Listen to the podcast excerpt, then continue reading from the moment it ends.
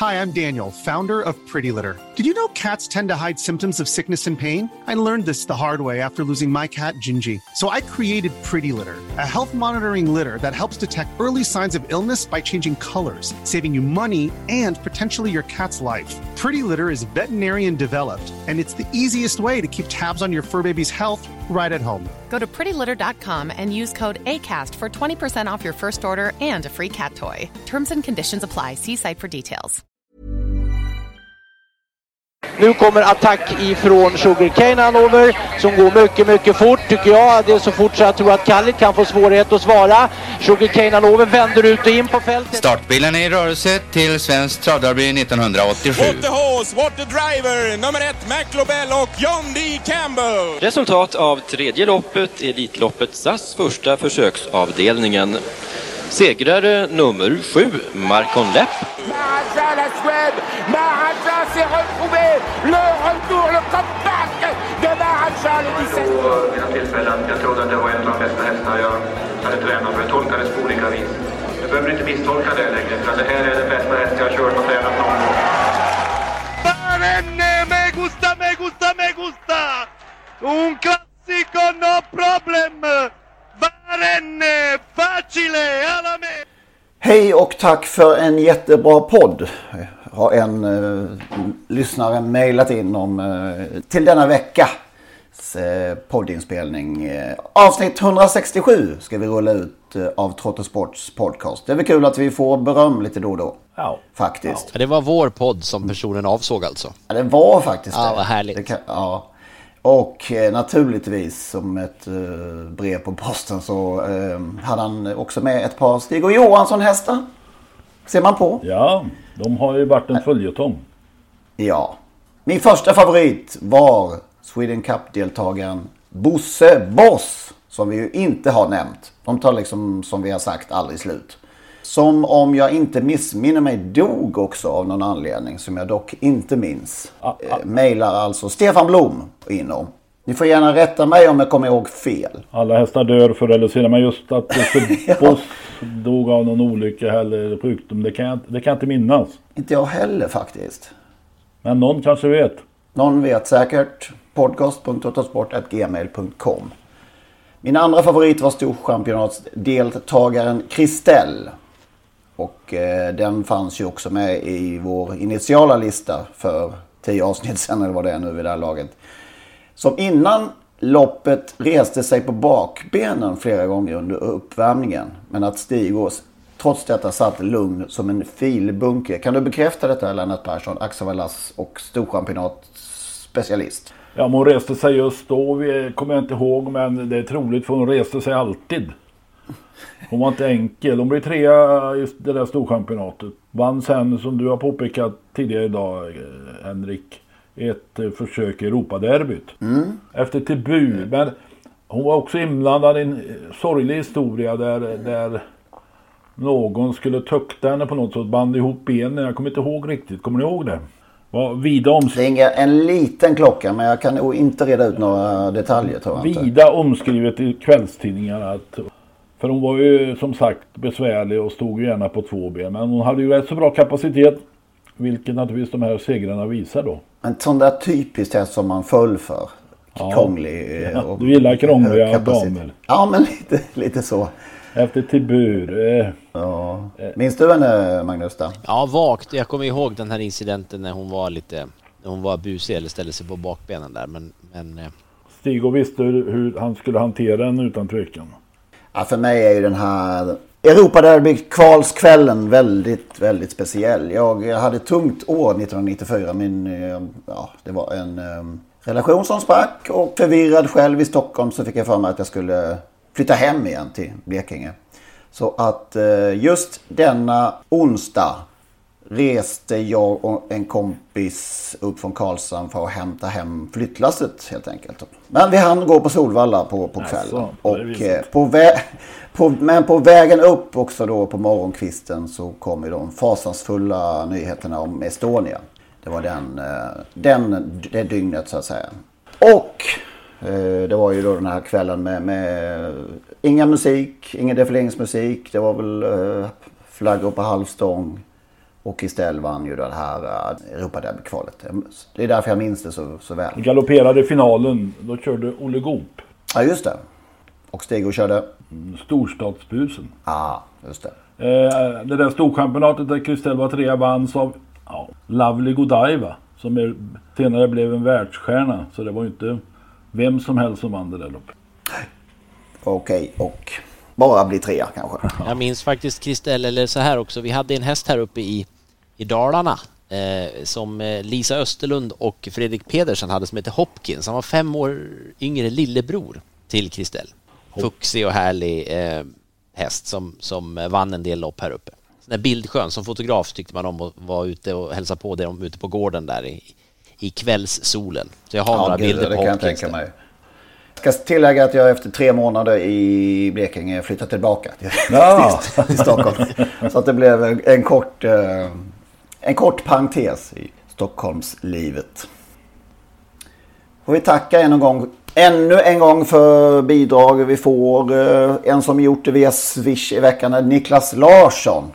Väldigt tacksamma för. Och eh, vi vill också nämna en trogen Patreon-prenumerant. Faktiskt den allra mest trogna som har varit med från start och bidragit mest av alla. Håkan Rodin. Många, många tack. Det går inte att säga nog mycket. Utan er skulle vi liksom inte kunna göra det här. Så eh, vill ni stötta oss flera så går man in på trottosport.nu och letar upp fliken stötta Trottosport. Vad tyckte ni om eh, Kangsumer-spektaklet? ja, det såg kyligt ut för att vara där nere. Alltså, fick de... Jag tyckte de gick med vantar sådär. Alltså fick de, då fick alla solsugna svenskar sitta mot, uh, trycka mot en vägg. Ja, det såg nästan så ut. Mm. Loppet då, ja. Det, det var ju upplagt för Vivi Weisshaus där. Han fick ledningen ganska enkelt tycker jag ändå. Men Etonant, Etonant var ju starkare. Tappstart.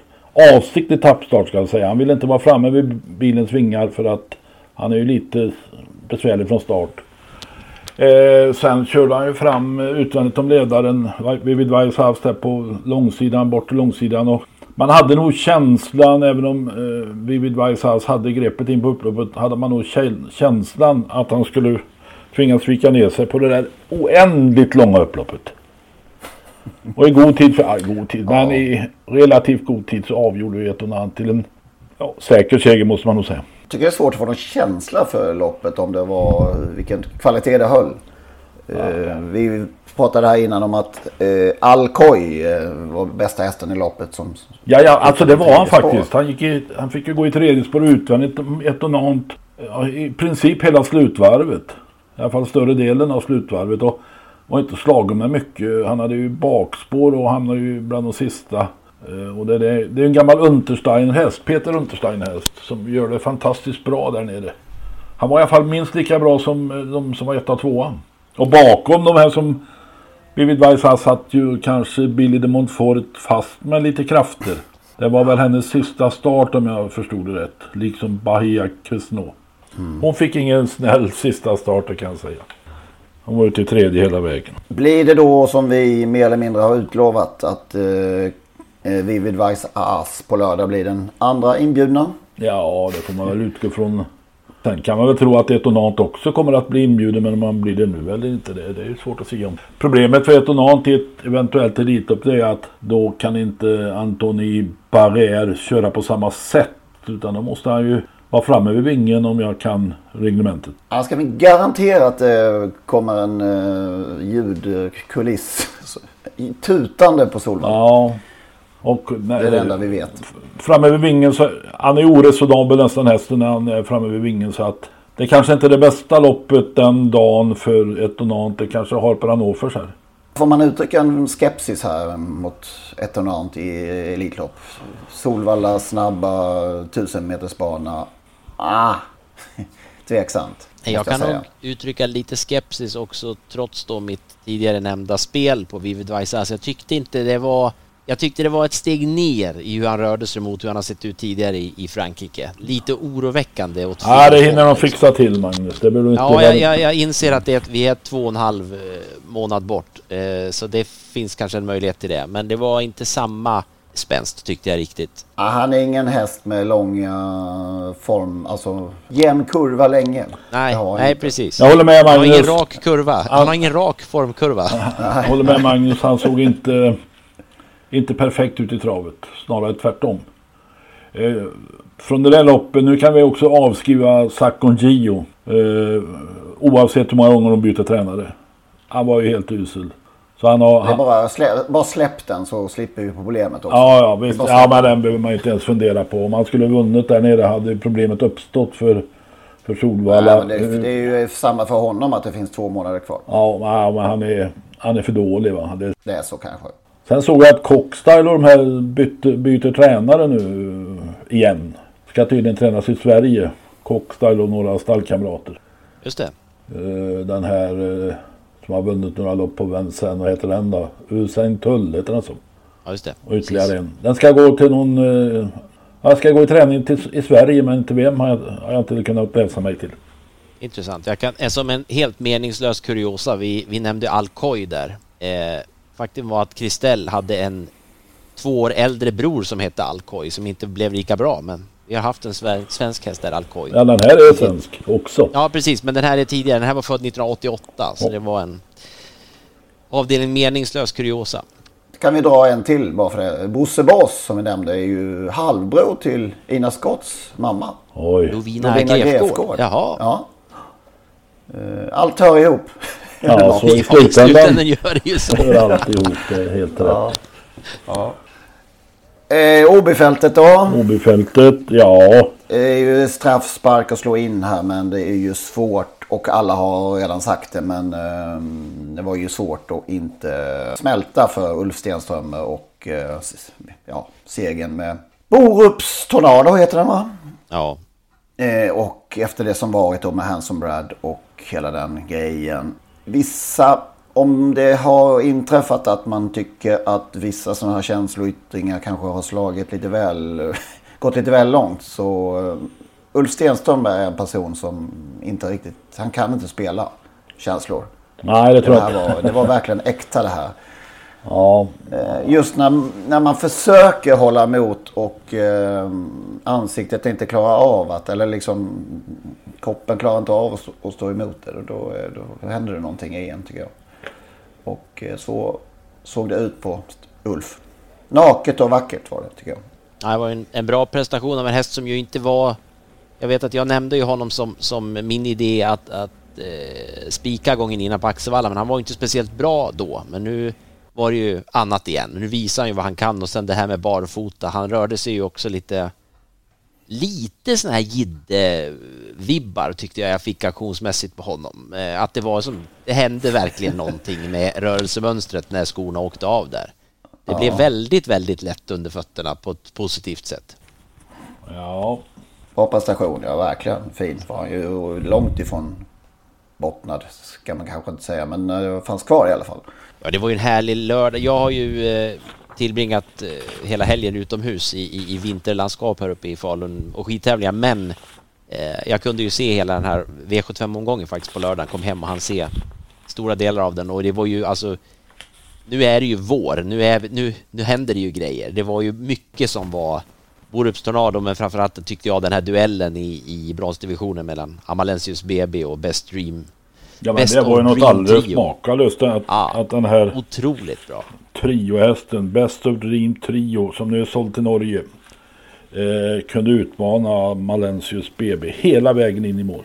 Det var en häftig, riktigt häftig duell och, och, och sen också avslutningen med eh, Unico Broline som ju, vilken utveckling alltså. Det, det var en, en stark eh, långspurt han levererade. Det var liksom ingen, ingen snäll avslutning men han var men han gör det så enkelt, så otroligt enkelt alltså. Ja, Han bara, alltså hans eleganta stil och, och så, så lätt och fint han gör det.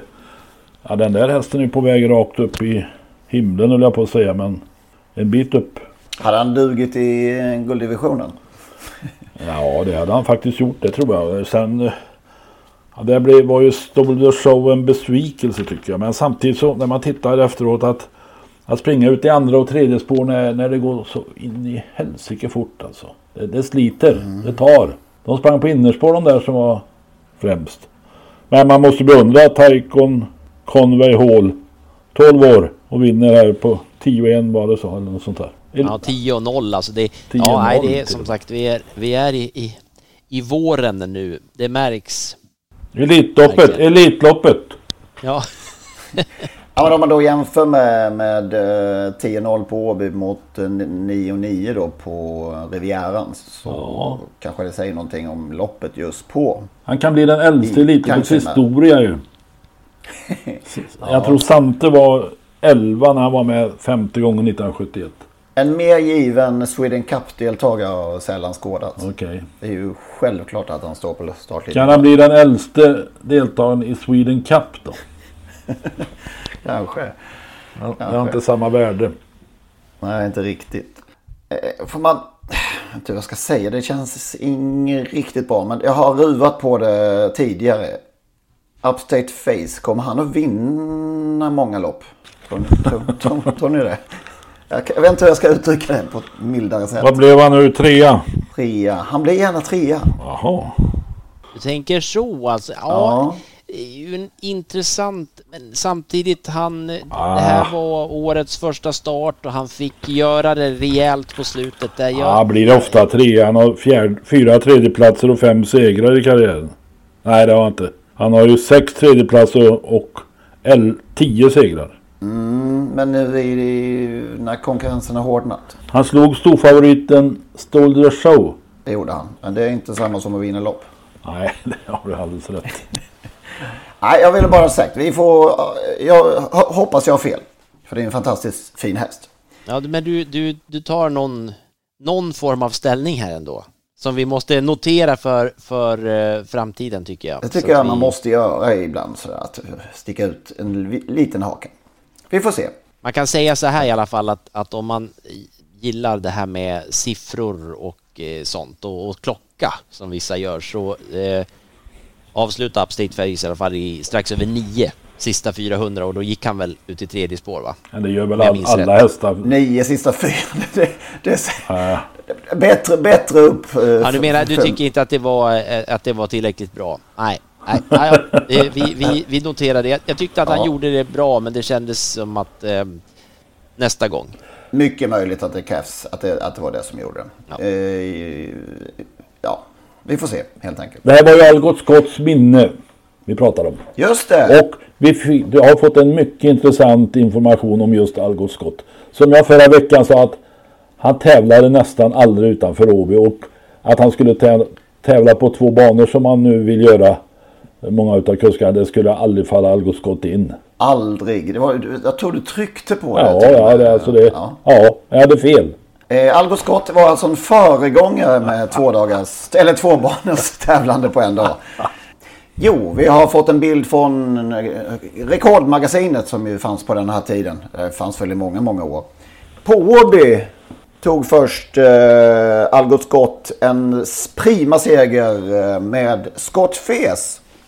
Och tog sen då ett plan till Malmö. Där han startade även då i ett, kallas för Grand Prix tydligen.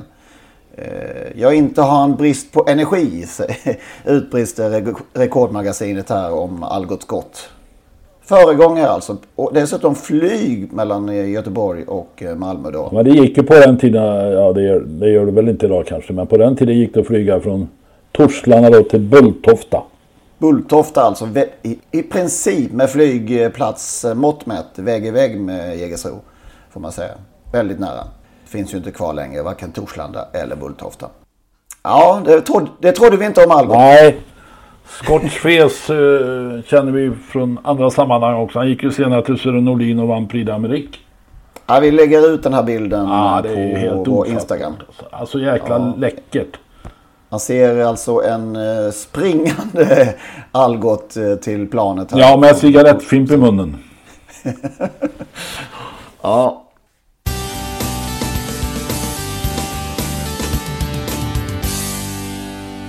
Hur var, det med, hur var det dagarna i skogen där i lugnet? Det var ju fantastiskt. Jag ska direkt säga då som man ska göra att jag är ju en del av arrangemanget så att det blir ju en partsinlaga. Så är det ju. Jag är ju Ja, en del i vilken roll har du? Och Du är fo- fotografi, eller fotografrollen? Ja, jag är något eh, så fint, eller om det är fint vet jag inte, men, men på, på min akkreditering stod det funktionsledare. Då tänker jag att det, det känns ju bra. Nej, men jag, jag eh, tar hand om eh, akkrediterade fotografer som kommer ifrån från säga, världens alla hörn gör de ju inte när det kommer till längdåkning riktigt, men, men eh, de kommer från Norge, de kommer från Italien och de kommer från, från Sverige. Så vi tar hand om dem och ser till så att de får instruktioner så att de inte springer i vägen för alla tv-kameror och så. Vi vill inte ha någon påkörd eh, fotograf av någon, eller någon fälld längdåkare. Det är väl det man är, är rädd för mest kanske. Så det Träffade gör du jag på i eh, tidtagningsansvarige Thomas Lindström möjligen? Det är möjligt. Alltså det är så många funktionärer involverade i det här så att man hinner inte med riktigt. Eh, och dessutom då eh, kan man ju då säga att, att i en värld där vi ju nu då inte, eller i värld, i alla fall i Sverige pratar vi inte längre om covid-19 som samhällsfarlig och vi har ju slopat alla restriktioner. Men, men FIS, Internationella skidförbundet, de har fortfarande hårda restriktioner så det var munskydd på för alla på akkrediterat område. Det innebär att jag har kutat runt i, i tre dagar i munskydd. Det är, när det dessutom börjar bli vår och man springer runt i lite varma kläder. Det, det, det är eh, inte det största problem man kan ha, men det kan vara lite speciellt ibland. Men det var då också därmed sagt väldigt svårt att se vem som var vem i alla, alla blå jackor. Jag förstår. Ja, Det var ju läckert att följa det. Det var ju vintersportdagar eh, som vintersport ska se ut med, med gnistrande snö och härligt solsken och glada skidåkare. Ja, glädjen var ju... Det var ju som, som vi har ibland i Falun då, eh, det här med att det blir säsongsavslutning. Nu blev det ju det i och med att tävlingarna i Ryssland som skulle ha avslutat säsongen, de ställdes ju in av kända skäl. Så att det här blev ju eh, den här klang och jubelföreställningen som, som som sagt händer ibland i Falun. Och det blir ju mycket speciellt. Man tackar av åkare. Den mest kända nu var ju Therese Johaug då, men det var ju även andra som, som tackades av. Och det, det smällde korkar och öppnades eh, andra flaskor och buteljer och burkar också runt omkring där och alla var ju överlyckliga. Så det är en lång säsong, de har rest runt eh, och kämpat. Det är ju inte den minst tyngsta sport man kan hålla på med kan jag säga. Som jag gnäller över att springa runt med munskydd. De här åker ju skidor upp för backar som en annan har jobbigt uppför i. Jag, jag, ja, som sagt så följde jag på tv men man blir ju lätt irriterad. Alltså TV6 det, som lägger in reklam, in, reklamsnuttar mitt i, i loppen. Det stör. Ja, Alltså stafett, de där stafetterna helt plötsligt då när de stred där. Så kom det reklam på 15, 20, 30 sekunder.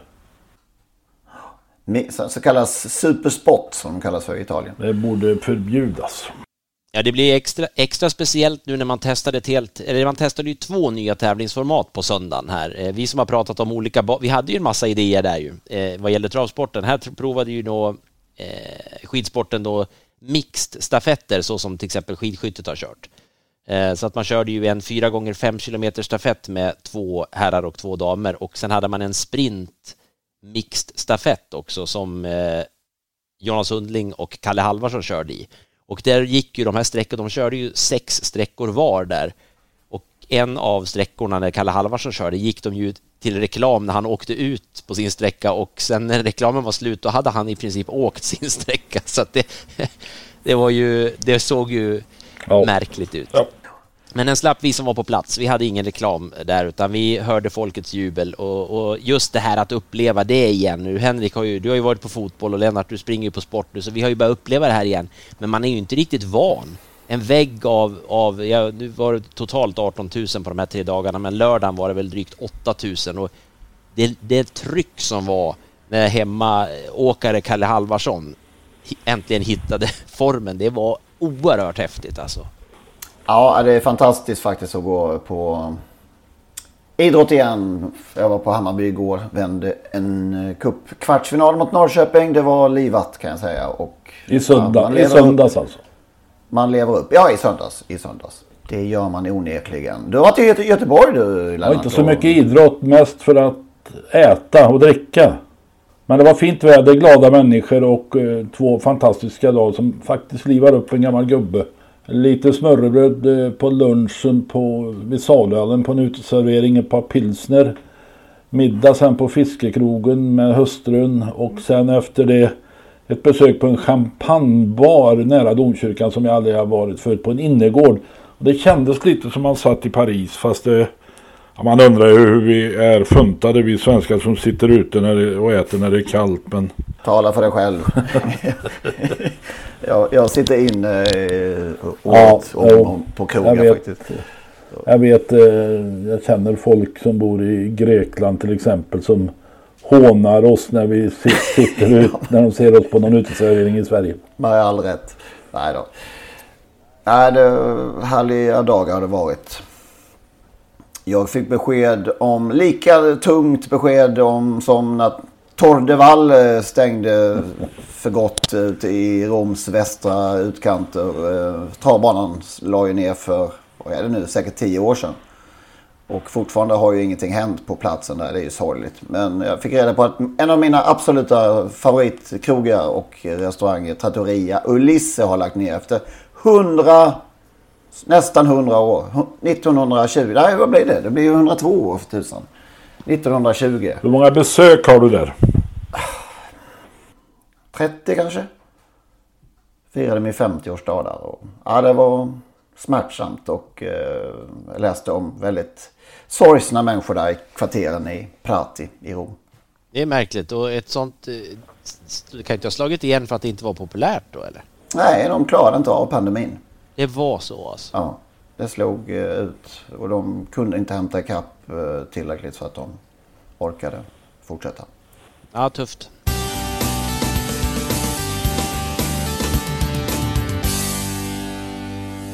Vi tänkte introducera ett litet nytt eh, segment här i podden. Går inte allting i transporten ut på att finna det där extra och hitta det där och eh, guldkornen och se om det där är en talang och om det där kan bära långt och spekulera tidigt. Vi tänkte leta nya talanger och treåringar vi helt enkelt eh, uppmärksamma och haja till på. Vad sägs om det? Det låter förbaskat Det var trevligt. faktiskt din idé Lennart. Ja, låter därför tycker jag det låter jättebra. Ja, Vi tre tycker ju alla att det är bra i alla fall, så får vi hoppas att, att alla lyssnare tycker detsamma. Men nej, superidé av Lennart. Jättekul. Ja, ta inte i nu för mycket. Jo, jag är full av superlativer. Jag, det kommer mera. Nej men det har ju alltid varit en sån här klassisk grej bland eh, kompisgäng och jag vet att vi på redaktionen på Travronden hade och, treåringstävlingar där man eh, tar ut, det var i och för sig innan de, de eh, skulle igång och starta. Och sen så följde man dem det här under, under hela säsongen. Det var jäkligt spännande. Men vi har ju tänkt att ta nu, hitta dem när de har gjort en eller två starter kanske. Precis. Och vi behöver lite hjälp då eller? Ja, men det var jättekul om eh, lyssnarna också vill bidra och eh, slå oss på fingrarna. Ja, eller komma med något tips som vi kan titta på. Ja, på podcast.autosport.gmail.com Du har eh, hajat till ett par gånger under veckan. Ja, tre till och med. Förra måndagen den 7 mars. Eh, Gäst tror jag han heter. Eller hon. Gäst. J-E-S-T. Eh, Stall Courant eh, äger och eh, För hitta hästar med en, enklare namn. Ja, en, eh, Stefan P Pettersson tränar. Eh, och debuterade då förra måndagen som sagt. Inledde lite trevande, lite spänd första halvvarvet tror jag Magnus Djuse körde. Eh, tappade väl 25 meter man, hade, man såg direkt alltså vägvinnande lång eh, aktion. Va? Och trots att det var en ganska stor typ så var det väldigt lätt i kroppen. Och Ja, när ljuset körde till under slutvarvet så var hon helt ensam i mål. Eh, vann på 17,4, 2140 meter. En dotter till Trixton och Break on Truth efter Viking Kronos. Och där finns ju Green Manalashi där på modersidan och Leif Dami... Leif... Vad heter hon nu? Eh, Dame Lavec är väl eh, mormor. Ja, det var läckert att se. Härligt att det är lite Viking, Viking Kronos kvar. Jajamän, Viking Kronos. Dagen efter eh, Byss eh, på Axvalla. Eh, Thomas Dahlborgs träning. Var också en stor eh, pampig häst. Eh, såg ut som den bara lufsade ifrån de övriga på 17 och 7. Med men mycket sparat. En, en, en, Nuncio pappa och Melby Smaragd mamma. Melby Sparagd efter Pine Chip. Har ju lämnat Melby Granat 650 000 och Melby Fantom 560 000. Här kan Thomas Dahlborg ha en, en häst som kan klättra. Som kan vara med i de här årgångsloppen tror jag. Nu byter jag ras. Eh, I fredags var det väl Lannemstella. Åh, oh, vi ska ha kallblod också med. Ja, Tek, ja. pappa Tekno-Odin. Mamma mm. Lannemsilje. Oj, oj, oj. Den här hästen köptes av Stall Segeruva. Och jag gissar utan att veta att det är den dyraste unghäst bland kallbloden genom alla tider. Tekno-Odin Lannemsilje.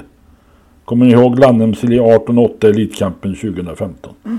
Vann eh, dödens första varvet utvändigt om ledaren. Och så tryckte, eh, eller stack, lät Jan-Olof Persson henne sticka iväg. Vann på 1.31,8 i debuten. Det, jag såg efteråt att det var meningen att Mats Djuse skulle köra men var avstängd så att Jan-Olof körde själv och var glad att jag i alla fall fick köra den en gång i livet, sa ihop. Varför vill han stå utanför? Nej, jag vet inte. Han tycker väl att han är för gammal. Han tycker väl att man ska satsa på ungdomen. Mats Djuse är väl kanske hans första kusk nu för tiden. Är det kriterievinnaren vi, vi såg? Ja, alltså jag vill inte börja med sånt där nu men jag vill ändå nämna dem. Sen vet vi inte vad som hände men att det har varit så många derbyvinnare kriterievinnare i mars så att jag kan inte räkna upp dem alla och ingen av dem har vunnit egentligen. Men som sagt vi är på jakt efter unga talanger och vi tar gärna emot tips som vi har sagt. Mm. Apropå unga talanger så glömde vi en häst som föll ifrån på grund av allvarlig skada. Som vi hade uppe i förra podden. Just det. Grain missade vi. Det gjorde vi. Trots att vi pratade om honom i ett annat sammanhang. Ja. Ju. Vann ju kriteriet, vann derbyt. Vann silverhästen som femåring men eh, fick ju pungbrock och eh, man tvingas avliva honom då på hösten där som femåring. Det var var en, en häst som Stigo trodde att han hade en blivande internationell stjärna. Den missade vi. Det var svagt av oss att missa den. Ja, det, ja. ja. det var det. finns inga ursäkter. Nej, nej, jag försökte att komma på någon där men det, den kom nej. inte. Nej. Två spännande årsdebutanter i veckan.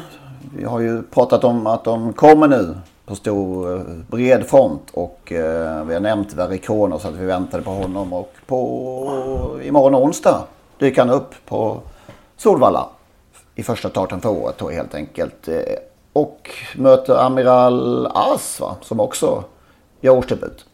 Det, det, det verkade nästan som du försökte att favorisera Verikronos här. Mot Admiral Före Admiral... Nej, det var ju mer att vi hade pratat om eh, Verikonos. två... Nej, jag har ingen, ingen åsikt där i frågan. Är det två kommande Elitloppshästar? Ja, det är 16 som ska in. ja, just det. det lär det nog kunna bli om de uträttar vad de ska. På tal om eh, Amiralas, Amiralas så är ju Reijo Liljendal tillbaka på, på Stora Alby. Ja läste en intervju idag med, med eh, honom eh, i eh, Aftonbladet, mm. eller på aftonbladet.se. Mm. Där han ju kom en rejäl sopa. Salva. Eh, salva mot eh, Svensk Starsport och eh, att de eh, inte riktigt ser faran med eh, rekryteringen in i sporten. Att hästskötare saknas. Han har bara en hästskötare anställd såg jag i travronden.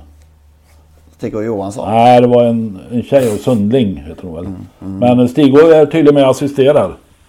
Mm. Så att på gamla dagar har Stig-O Johansson blivit assisterande tränare åt Reijo Liljendal. Nej, men det är på något sätt fint att cirkeln sluts mellan dem. Så att uh, de fick, uh, om, de nu, om det nu var någon uh, schism mellan dem så hinner de rätta till den innan det är för sent. Det tycker jag ja, var fint. Det är, det är fint. Det mm. tycker jag är, det är snyggt. Mm. Men i det sammanhanget då, Reijos oro då inför framtiden så eh, kanske veckans citat var att eh, Per Wetterholm, eh, de här nya Pegasus-siffrorna som återigen pekar neråt vad gäller antal hästar och antal startande i loppet så kunde man inte, det var för kort tid februari, eh, januari, februari att eh, göra någon eh, bedömning av. Jaha, varför, varför, varför tar man fram sådana eh, underlag när man ännu inte kan använda dem? Det är inte första redovisningen som går i fel riktning heller. Det har väl liksom, pratar vi en 20-årsperiod nu i det här laget? Jag vet inte. Ja, det var ändå intressant. I travronden ska jag säga. Att... Ja, det låter, den är, den är lite svår att eh, ja, förhålla sig till och, och, just varför ska man plötsligt begränsa det? Det är väl lite längre än som du säger. Just två månader är en väldigt kort tid. Varför ska man fokusera på två månader? Det är ju en längre trend så att det, mm. det låter lite akut att man plötsligt skulle då utifrån de senaste två månaderna eventuellt ha gjort något. Men det, det borde man väl ha tänkt på länge då kanske.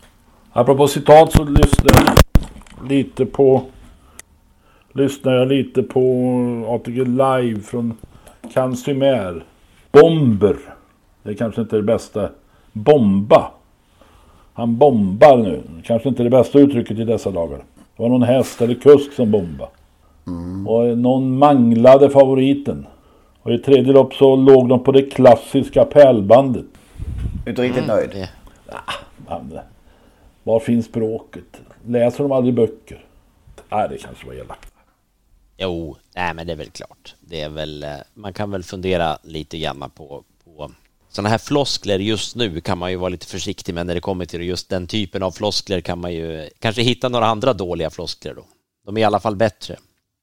Vi ska till Momarken på lördag sägs det. Är det populärt i spelarled? Ah. Brukar inte vara det va? Nej, det Nej.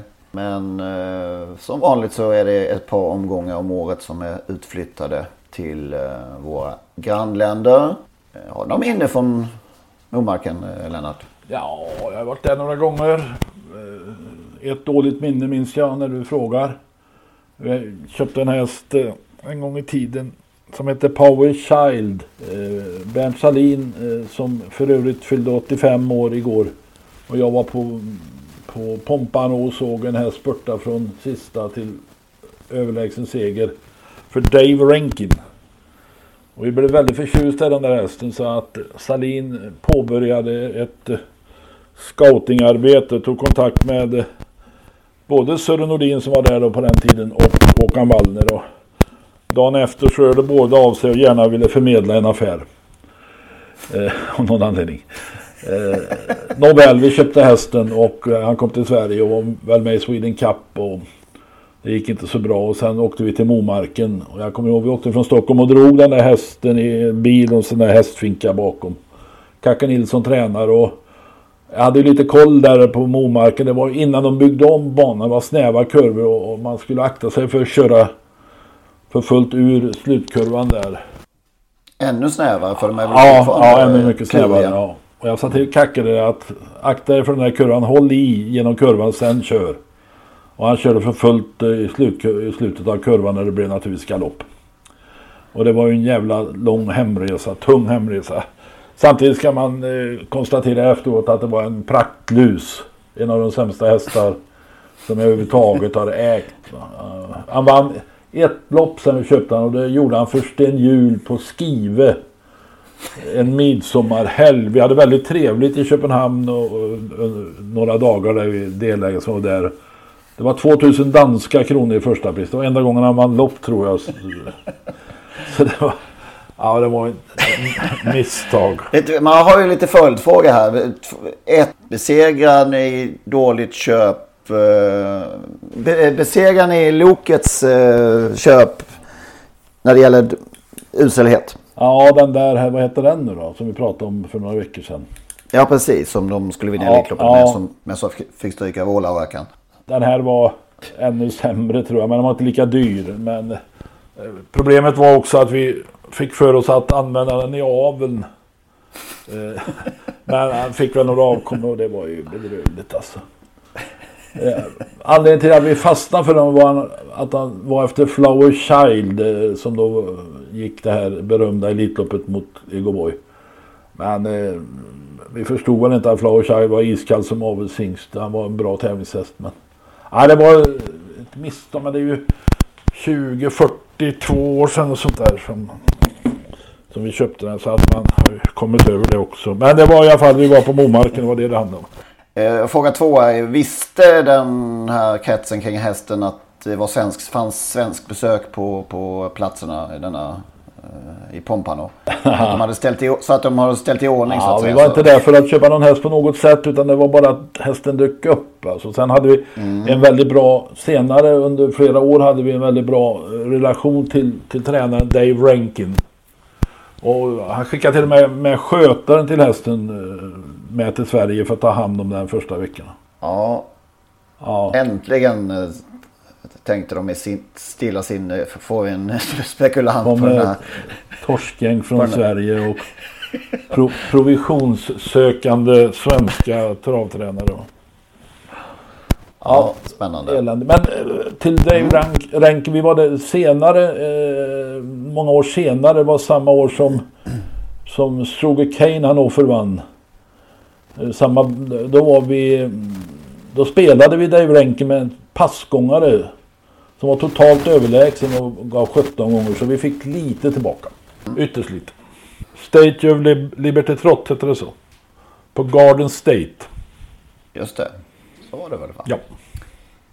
Momarken Grand Prix är ju en annars det man eh, som dyker upp i huvudet när man tänker på just Momarken. Men det har ju det har inte kört sedan 2002 eller något sånt där. Det kanske Herregud. det borde lagt ner det efter vårt besök. Vi- Vad tiden går som sagt. Eh, 20 år sedan, eh, sedan, det, sedan det försvann. Har vi någon vinnare då på i denna norska bana? Efter bakslaget till lördags med, med den här norsktränade hästen Stol the show så är man ju bränd. Alltså, men jag, jag återkommer till min fina favorit, eh, favorithäst. Men jag gillar Bahama Persson, Tommy B Anderssons läckra sto. Och hon har... Hon, vi, jag sa ju att jag trodde på henne i V75 på Axel men det blev väldigt, väldigt passivt. Sen spurtade hon bra. Det var precis det loppet jag tror Tommy B ville ha. Eh, nu tycker jag hon har en bra uppgift här och kanske blir favorit men eh, det är nog en bra spik i den fjärde avdelningen. Innespår där på Ja. tillägg. Vilket nummer var det? Förlåt? Vilket nummer hade hon? Har du börjat bli nummerspelare? Nej, det kan man, för tydlighetens skull. Nummer eh, åtta. våra, våra Nej, nummer sex. Nummer sex. Nummer sex. Ja, nummer sex. Förlåt, det var tur du var med där. Ja, vi tror ju på samma häst igen. Vi trodde ju på henne båda Ja. två senast ju och jag delar din uppfattning även den här veckan. Sen är det ju, alltså i kallblodsloppet så Technodin, nej förlåt, eh, Odd Herakles heter han ju. Som har gjort eh, debut och comeback efter skada. Alltså ja, det, det, blir, det kan bli en kamp mellan det här läckra stoet Ulcerud Thea och Odd Herakles. Ja, det är ju, om det kan bli det, kan det vara så? Ulcerud Thea, hur gammal är hon? 15 år. Det är inget att komma med 12-åringar i lite. Hon är 15 år. Läckert. Ja, jag vill ta med en häst också som jag hade med senast i Kalmar. eh, What a winner. Eh, Den hade bakspår då och blev väl, gick väl hyggligt. Inte med för, för eh, Stefan Persson. Var någon hundraoddsare som vann där om ni minns. Nu har den innerspår och får ett bra lopp. Och den kommer inte bli sönderstreckad. Sa du nummer? Ett. Och Steinlagers RS-löp. Har vi något att komma med där? Hemmahästen Bills Man kanske blir favorit. Rema- Remarkable Feet. Chapuis är väl intressant. Kort distans på två. Jobbigt långt upplopp. Ja, det kan det ju bli. Kanske, kanske. Jag smyger med en årsdebut här som jag inte tog upp i början där, men eh, jag tänkte vi spar det bästa till sist. Batotösen gör årsdebut på fredag i Östersund. Det är V64 till och med, V64 4. För er, ni som inte var med förra året kanske, om vi har någon ny, eventuellt nytillkomna så var det ju en följehäst för oss, Bortotösen. Är hon fyra år nu eller? Hon är fyra år nu och som sagt det är dubbelkuppen här ett försök. Det är det näst sista försöket i dubbelkuppen och eh, finalen går faktiskt på Romme eh, den 17 april. Då, är du, då att, får du åka eh, dit. Ja, jag hoppas att hon håller sig på benen och sköter sig så, så eh, får jag säkert åka dit. Det är ju en eh, viss eh, påskdag. Ja, Vi kan väl precis. påminna att hon blev faktiskt två i kriteriestoet efter eh, Dunungen. Precis. Örjan eh, latchade från dödens Ja. med Dunungen. Det var, det var ju så tråkigt för oss som höll på Batotösen där, men det var... Var nöjda med ett andra pris. Ja, det får de vara. Sen så eh, satt jag och smög med en annan grej också och det är ju det här, de här talangerna eller de Eh, jag vill gärna nämna Hanna Olofssons uh, Last Dying Breath heter den. Uh, treåring efter Nuncio som har uh, vunnit två lopp på Boden och ett på Umåker hittills i år. som, han har ju varit helt överlägsen i, i de här tre loppen och ser ju han ser lite opolerad ut fortfarande men och inte, får inte, har inte fått sprungit på en riktigt bra bana. Två vinterbanor och sen var det en, en kladdig bana i Boden där men Eh, han har varit som sagt helt överlägsen och han har bara suttit och tittat bakåt och sett till så hon inte skulle förlora de här loppen. Så det eh, blir spännande. Tyvärr inte anmält till något annat än Breeders Crown. Så det är lite synd då, men eh, vi får se honom i alla fall. Då så. Eh, Titta för tusan in på vårt Instagram-konto. Och Algot. Ja, som heter Trottosport va? Eller var det inte så? Och eh, ni kan ju också följa oss på Twitter, Trottosport1. Så säger vi väl så va? Ha det gott! Hej då! Hej då, hej då!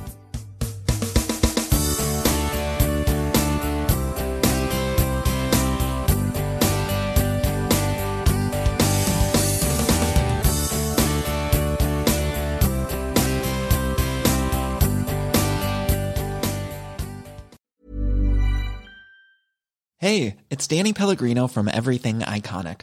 Ready to upgrade your style game without blowing your budget? Check out Quince. They've got all the good stuff shirts and polos, activewear, and fine leather goods, all at 50 to 80% less than other high end brands. And the best part? They're all about safe, ethical, and responsible manufacturing. Get that luxury vibe without the luxury price tag. Hit up quince.com slash upgrade for free shipping and 365 day returns on your next order. That's quince.com slash upgrade.